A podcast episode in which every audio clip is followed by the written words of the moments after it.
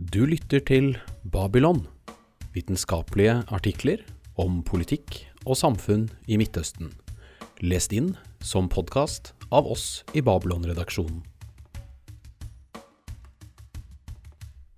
Superleiren Midtøsten som regional flyktningleir av Are Jon Knutsen, lest inn av Olav Gjertsen Ørum.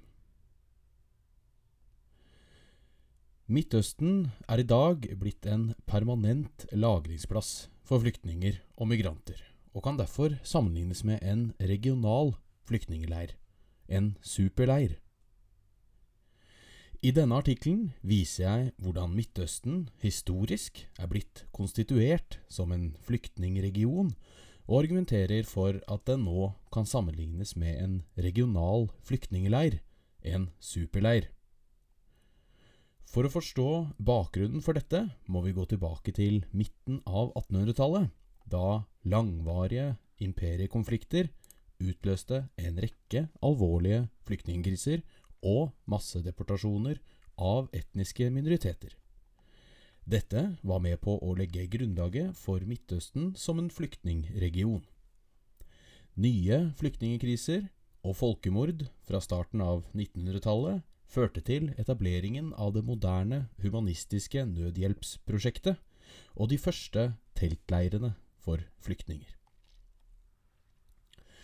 Mot slutten av 1940-årene begynner en ny serie konflikter som rammer palestinerne, og det blir etablert leirer som en integrert del av den internasjonale humanitære responsen. Nye flyktningkriser i Irak i 1990-årene innebærer at Midtøsten nå får karakter av å være en permanent lagringsplass for flyktninger. Etter den syriske flyktningkrisen i 2012 blir Midtøsten verdens største flyktningregion gjennom et system som kan kalles humanitær internering. En rekke tiltak, juridiske, økonomiske og migrasjonspolitiske, gjør at området nå kan sammenlignes med en regional flyktningleir, en superleir, et begrep jeg kommer tilbake til i konklusjonen. Kriser Fra midten av 1800-tallet satte en serie flyktningkatastrofer, deportasjoner og folkemord Midtøsten på ende. I perioden 1850 til 1890 ble tre millioner tartarer og andre folkegrupper fordrevet i konflikter mellom det russiske imperiet og det ottomanske riket. Fra slutten av århundret fikk disse følge av flere andre folkegrupper og minoriteter, kurdere, asyrere og armenere, som ble utsatt for tvangsflytting og folkemord, en brutal utrensking som kulminerte med oppløsningen av det ottomanske riket i 1923. Flyktninge- og sultkatastrofene i det østlige Middelhavet, og spesielt det armenske folkemordet, førte til at det under første verdenskrig, 1914–1918, vokste fram en humanitær ideologi som historikeren Keith Watenpaugh har kalt organisert medfølelse som hadde som formål å lindre menneskelig lidelse. Humanitarismen erstattet nå kolonialismen som en siviliserende oppgave, og hadde som mål ikke bare å redde mennesker i nød, men å gjenopprette deres menneskeverd. Slik ble menneskelig lidelse ikke bare et humanitært problem, men også en humanitær oppgave. Et knippe amerikanske organisasjoner startet derfor ulike former for nødhjelp, suppestasjoner, barnehjem og leirer. En av de første leirene som ble opprettet, var teltleiren i Port Said i Egypt, for armenere som ble evakuert fra Tyrkia i 1916. De humanitære krisene i det østlige Middelhavet la grunnlaget for det humanitære nødhjelpsprosjektet slik vi kjenner det i dag. Som Watenpaugh har vist, utløste ikke alle katastrofer en humanitær nødhjelpsrespons, samtidig som de fleste av ofrene ble omplassert i regionen, hovedsakelig i Stor-Syria. Et mindretall av flyktningene forlot Midtøsten ved hjelp av Nansen-passet, som i 1920-årene ble redningen for omtrent en halv million statsløse flyktninger. Nansen-passet var i prinsippet bare et reisepass for flyktninger, her definert som statsløse personer som manglet beskyttelse fra sitt eget lands regjering, men i praksis begrenset til flyktninger fra Russland og senere Armenia. Nansen-passet ga verken rett til retur til hjemlandet eller varig opphold i tredjeland.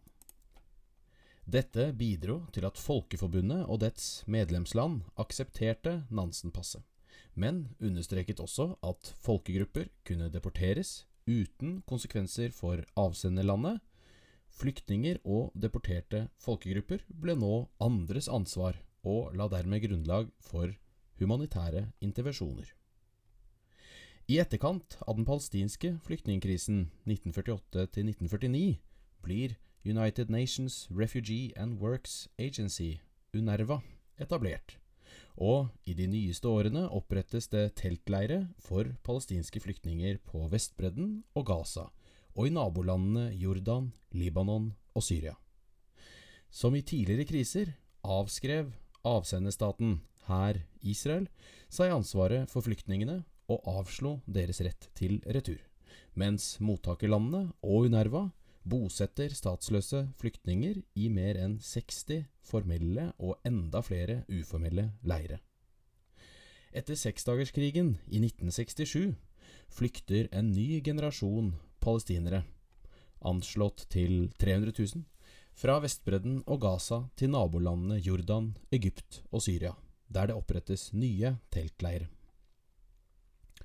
Den første Gulfkrigen i 1991 og senere USAs invasjon av Irak i 2003 utviklet seg over tid til blodige interne konflikter og en serie akutte flyktningekriser som i 2007 omfattet to millioner flyktninger, irakere, kurdere og andre minoriteter, samt tre millioner internt fordrevne, som ble forhindret i å forlate landet og holdt tilbake i det Petit har kalt oppsamlingssoner.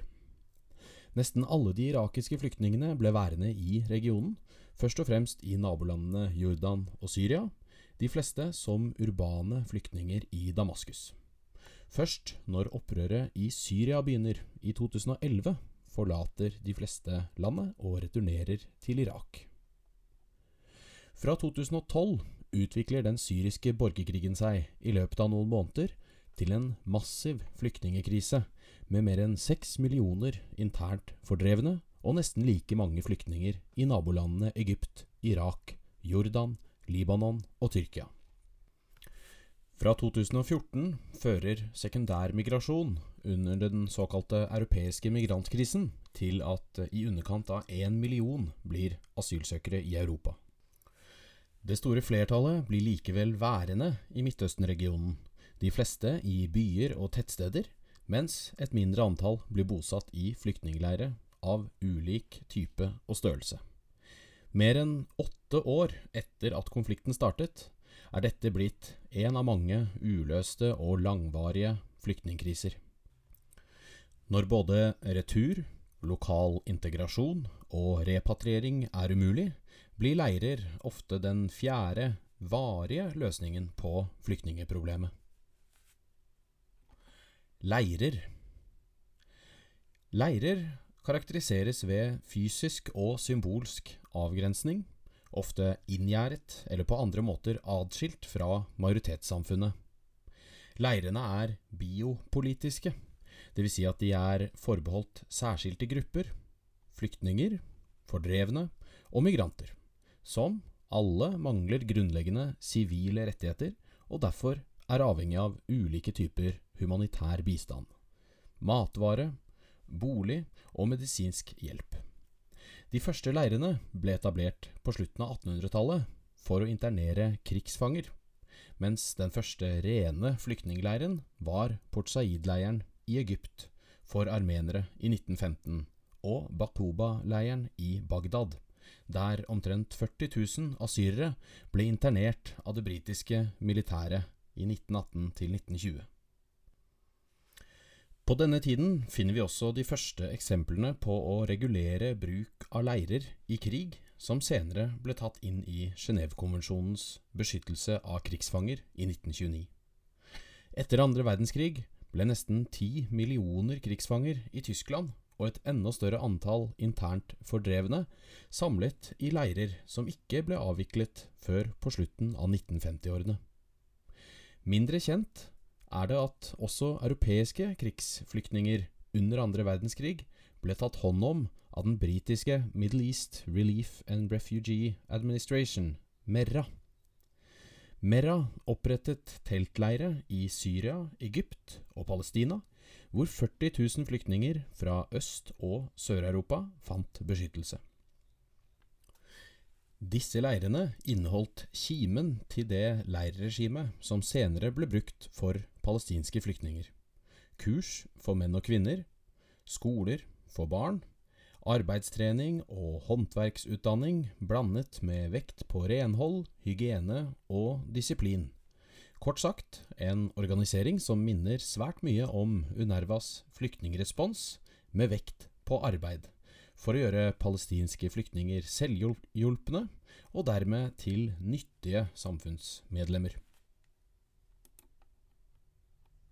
Det er nettopp denne disiplinerende funksjonen som har vært utgangspunkt for det vi kan kalle kritiske leirstudier, som skjøt fart etter at Giorgio Agambens arbeider ble kjent. Mens leirer lenge ble betraktet som en naturlig del av en effektiv nødhjelpsprosess, rettes nå søkelyset ikke bare mot leirenes humanitære formål, det å redde liv, men også mot deres funksjon, slik som internering av rettsløse personer og systemer som kontrollerer, underordner og isolerer dem fra majoritetssamfunn. Som flere har pekt på, har ikke alle leire slike karaktertrekk, men likevel får FNs flyktningorganisasjoner, UNHCR og UNRWA ofte et funksjonelt overherredømme over leirene, som gir dem makt over dem de er satt til å hjelpe. Så sent som i 1997 var UNHCRs offisielle politikk at flyktninger burde bo i leirer. Selv om dette ble endret i 2009 etter den irakiske flyktningkrisen, var det ikke før i 2014 at en ny strategi med vekt på alternativer til leirer ble formulert. En grunn til denne endringen er at i fem av de seks landene med flest flyktninger bor flertallet ikke i leirer, men i byer og urbane strøk. Leirer er fortsatt den primære nødhjelpsresponsen på akutte flyktningkriser, og de har økt i både antall og omfang etter at den syriske flyktningkrisen begynte. Fra 2012 ble det opprettet flere enn 40 nye flyktningleirer i Irak, Tyrkia og Jordan, og et enda større antall uformelle leirer for flyktninger og internt fordrevne personer.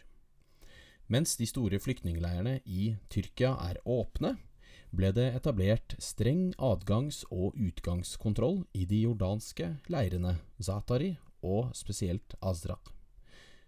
Libanon ville unngå formelle leirer, men etablerte likevel en rekke uformelle teltleirer i Bekadalen, mens det store flertallet av de syriske flyktningene bosatte seg over hele landet i urbane slumområder og nær palestinske flyktningleirer.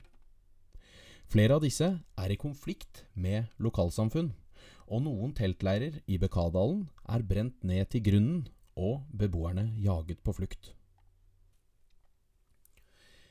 Leirer finnes i mange varianter og inkluderer både uformelle transittleirer, interneringsleirer og flyktningleirer.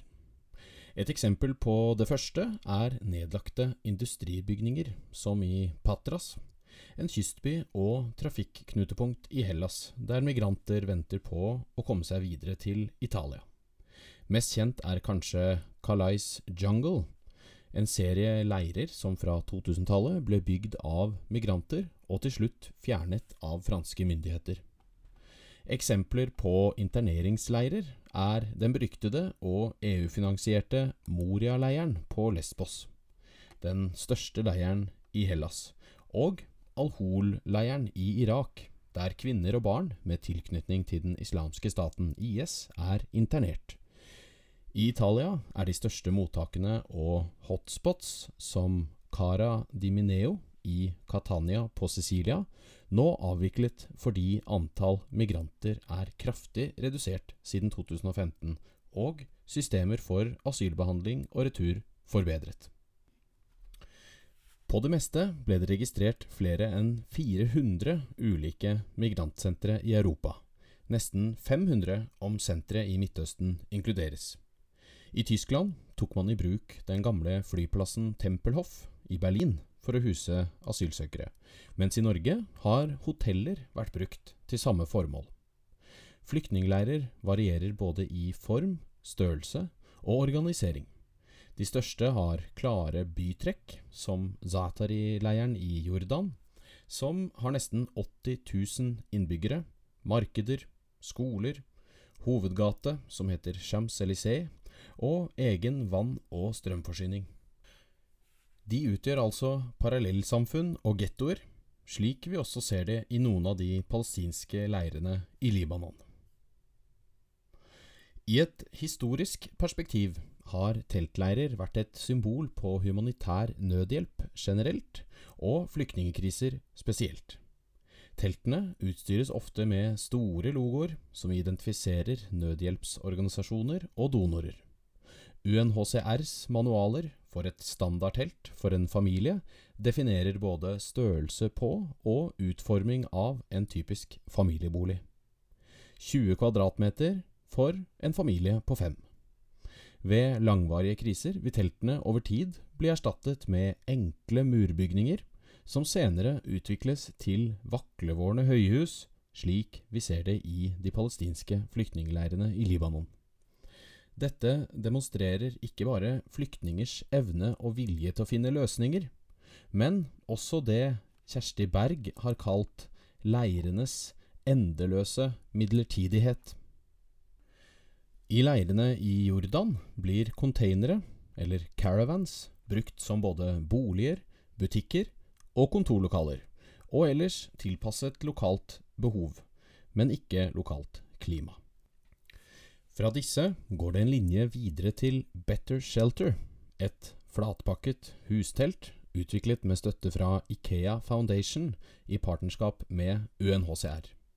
I 2017 vant Better Shelter London Design Museums pris, både i klassen for arkitektur og citat, for sitt bidrag til den globale flyktningkrisen. På tross av at det er brannfarlig, ikke bruker lokalt tilgjengelige materialer, og med sine 17,5 kvadratmeter er mindre enn et standardtelt. Markedsført som A Home Away From Home, der beboerne kan finne A Sense of Peace, Identity and Dignity, viser dette hvordan flyktninger blir kategorisert og oppbevart på måter som definerer dem som en hjelpeløs gruppe, som ikke bare har mistet sitt hjem, men også sin identitet og verdighet. Grenser Etter at rekordmange migranter nådde Europa under den såkalte migrantkrisen i 2014 og 2015, ble både EUs og medlemslandenes asylpolitikk lagt om på flere områder. EUs vekt på avtaler med avsender- og transittland går nå hånd i hånd med sterkere grensekontroll. Målet er å stoppe migranter før de når Europa, ved å presse EUs yttergrense tilbake over Middelhavet gjennom en eksternalisering av grensekontrollen. EUs bilaterale avtaler med tredjeland har også endret karakter, og en større andel av midlene blir nå øremerket tiltak som kan begrense migrasjon til Europa. Dette aspektet har også blitt en integrert del av EUs forskningsprogram Horizon 2020, der flere av delprogrammene har som formål å utvikle innovative løsninger som kan styrke grensekontrollen, redusere sekundærmigrasjon og bedre levevilkårene for flyktninger i Midtøsten. Flyktninger og migranters rettigheter er begrenset både gjennom nasjonal lovgivning, bilaterale returavtaler, EU-Tyrkia-avtalen, Italia-Libya-avtalen f.eks., og multilateral grensekontroll, som i Schengen-avtalen, og asylreglementet i Dublin-avtalen, i tillegg til grensegjerder og avanserte overvåkningssystemer. Siden 1990 er omtrent 1000 km med nye grensegjerder satt opp i Europa. Flere enn ti EU-stater har bygget slike gjerder, de fleste av dem i Øst-Europa. Den såkalte Balkanruten gjennom et grensefritt Europa er nå blitt en hinderløype av nye grensegjerder i Ungarn, Slovakia og Bulgaria. Det har igjen gitt opphav til en ny Balkanrute via Albania, Montenegro og Bosnia. I kjølvannet av den syriske flyktningkrisen tok både EU og UNHCR i bruk nye biometriske metoder som iris- og retinaskanning for å identifisere flyktninger i Jordan og Tyrkia og migranter til Europa. Sammen med registrering av persondata i egne databaser gir ikke dette bare sikrere identifikasjon, men det gjør det også lettere å lokalisere og returnere flyktninger. EU har samtidig intensivert kampen mot smugling over Middelhavet og innført mer effektiv grensekontroll i Schengen-området. Siden 2015 har 11 000 migranter omkommet i forsøket på å krysse Middelhavet, og dødsraten ligger fortsatt på rundt 1% EU har likevel avviklet sine maritime operasjoner i Middelhavet, fordi de bidro til å øke migrasjonspresset mot Europa. Sterkere intern og ekstern grensekontroll, sammen med returavtaler med transittland, gjør at Midtøsten fungerer som en lagringsplass for Europa, og over tid gir regionen en leirlignende karakter, der folk lever på eksistensminimum og med stor usikkerhet for fremtiden. De fleste vil måtte regne med å bli værende der i uoverskuelig framtid, siden de etter flere år i transittland ikke lenger kvalifiserer til asyl i Europa. For å lette migrasjonstrykket på Europa gir EU økonomisk støtte til Tyrkia, for at landet skal fungere som midlertidig oppholdssted for mer enn tre millioner syriske flyktninger. Tyrkia har imidlertid mottatt bare halvparten av midlene de er lovet, ca. 6 milliarder euro, og har flere ganger truet med å åpne grensene mot Europa og samtidig opprette sikre soner i Syria, der flyktninger kan repatrieres. Avtalen mellom EU og Tyrkia er ikke unik. EU har også inngått flere nye avtaler, såkalt compacts, som gir økonomisk støtte til transittland for å begrense sekundærmigrasjonen til Europa, bl.a. gjennom å få flyktninger i arbeid. I Jordan Compact skal spesielle økonomiske soner, sammen med arbeidslisenser for flyktninger, premieres med økt markedsadgang for varer i EU-området, noe som har blitt fremstilt som en vinn-vinn-løsning for begge parter. Å sette flyktninger i arbeid er verken nytt eller innovativt. Problemet er at flyktningkonvensjonen er avhengig av stater som støtter den. Generelt er viljen til å ta imot flyktninger og migranter på et lavmål i Europa. Spesielt i de såkalte frontlinjestatene, Hellas og Italia, som mottar flest båtflyktninger og derfor avviser, returnerer eller omdirigerer skip med migranter. Enkelte EU-land vil ikke ta imot noen, andre bare veldig få kvoteflyktninger eller interne kvoter av migranter. I stedet for å ta imot flere flyktninger, bruker EU økonomiske subsidier, slik som i Jordan Compact, for å kjøpe seg fri fra internasjonale forpliktelser, og betaler tredjeland for å oppbevare flyktninger. Samtidig betyr dette at stater som Jordan bruker flyktninger som et virkemiddel til å sikre seg bistandsmidler, eller som i tilfelle Tyrkia, truer EU med å åpne grensene mot Europa om de ikke mottar økonomisk støtte. På denne måten blir oppbevaring av flyktninger i tredjeland en økonomisk strategi både for EU og for transittlandene, som sammen bidrar til å opprettholde Midtøsten som en flyktningregion. Byer I dag bor flertallet av flyktningene i Midtøsten i byer og urbane strøk. Spesielt er dette blitt tydelig under den syriske flyktningekrisen. Sammenlignet med leirer har byer mange fordeler som integreringsarenaer, men pga. ressursmangel, politisk uenighet eller voldelig konflikt har ikke alle byer like gode forutsetninger for å håndtere urbane flyktninger. Generelt har byer større arbeidsmarked, flere offentlige tjenester og bedre utbygd infrastruktur, som vann, veier og strøm, men disse er ofte overbelastet og underfinansiert.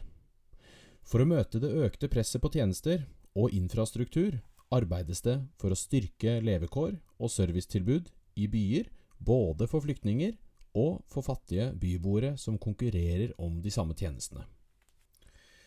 I slike urbane leirområder flyter by og leir sammen, til leirbyer der fattige, flyktninger og migranter bor side om side.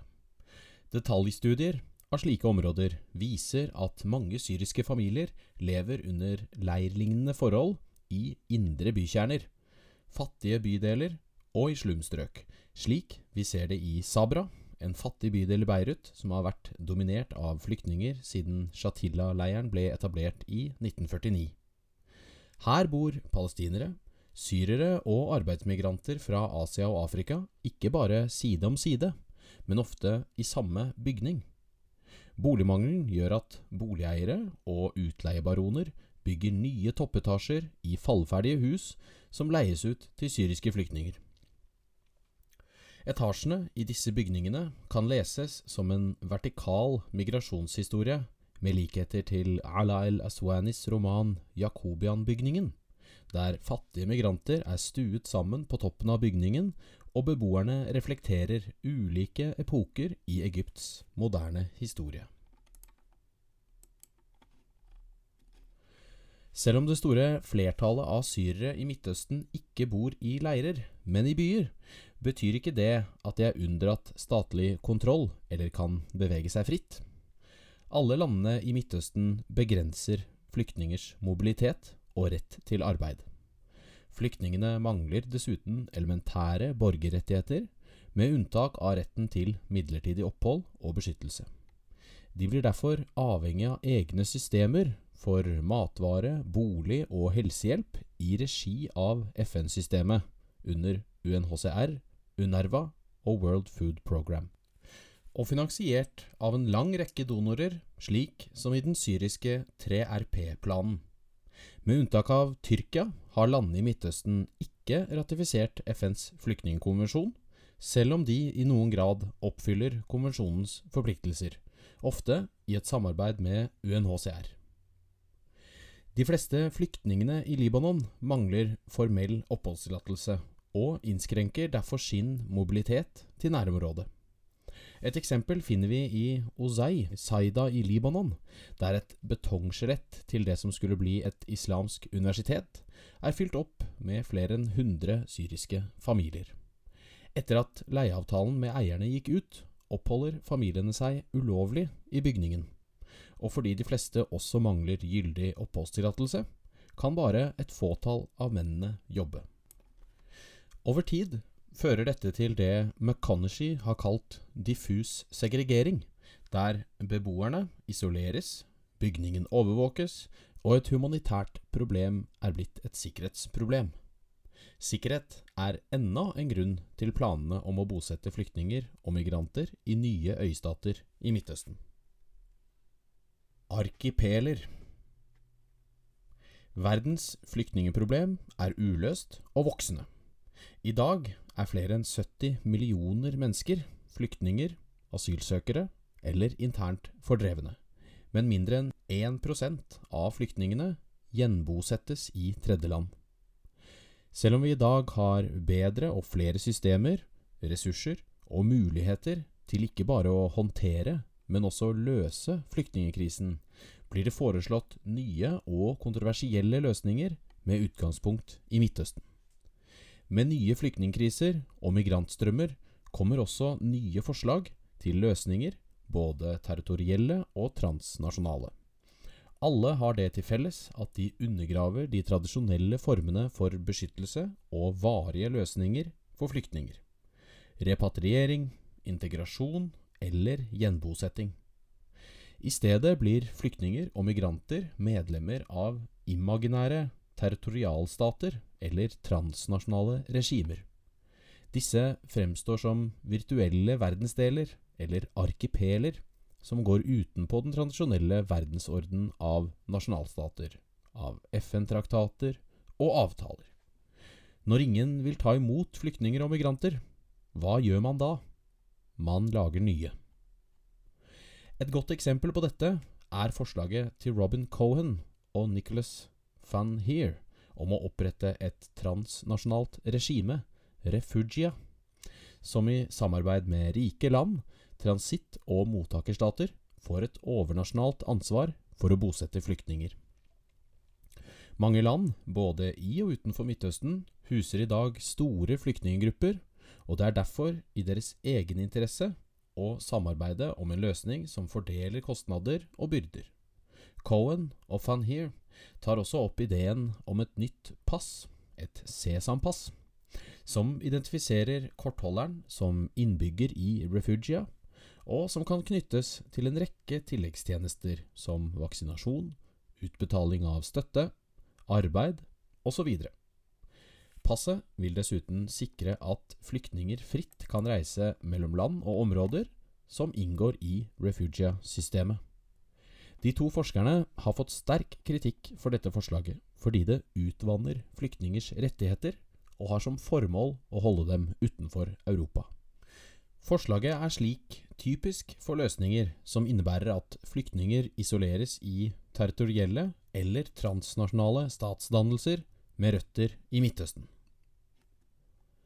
Andre eksempler på transnasjonale løsninger er planene om å opprette flyktningenklaver i Libya, der migranter kan oppbevares mens de får vurdert sin søknad om asyl i Europa.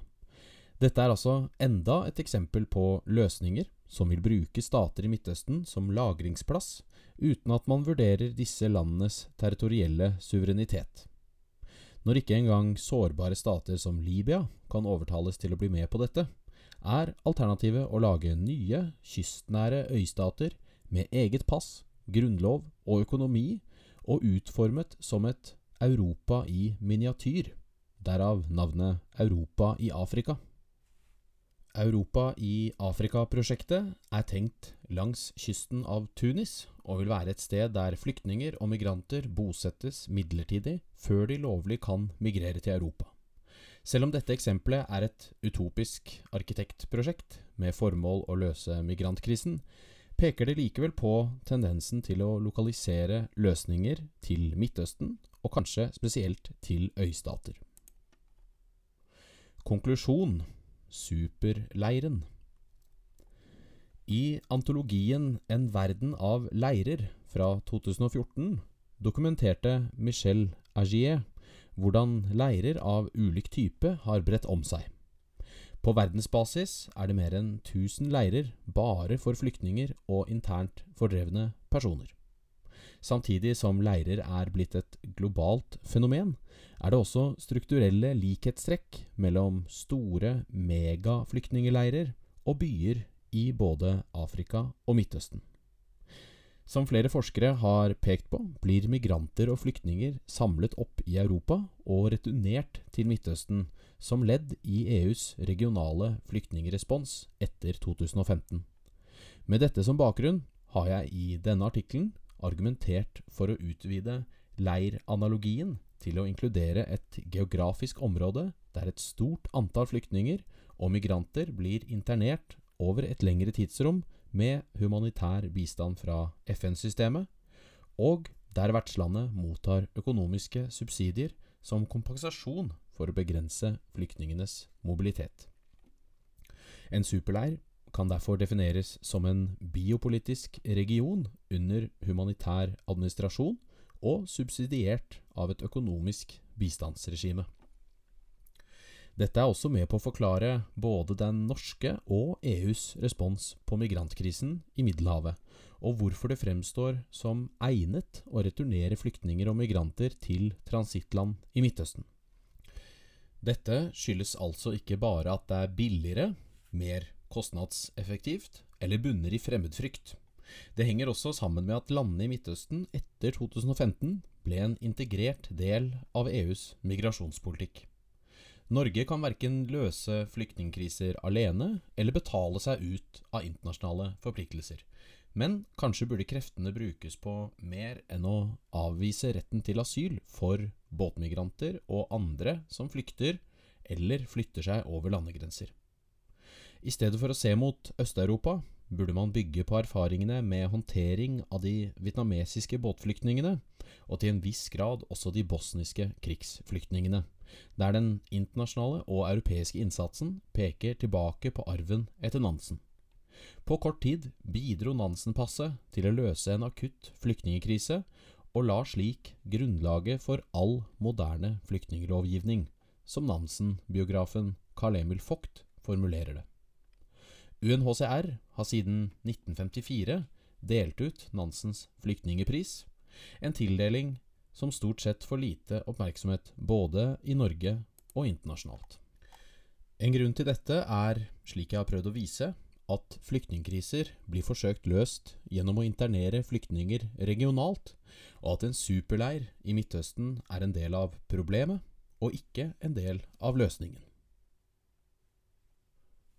Du hørte Superleiren Midtøsten som regional flyktningeleir av Are Jon Knutsen.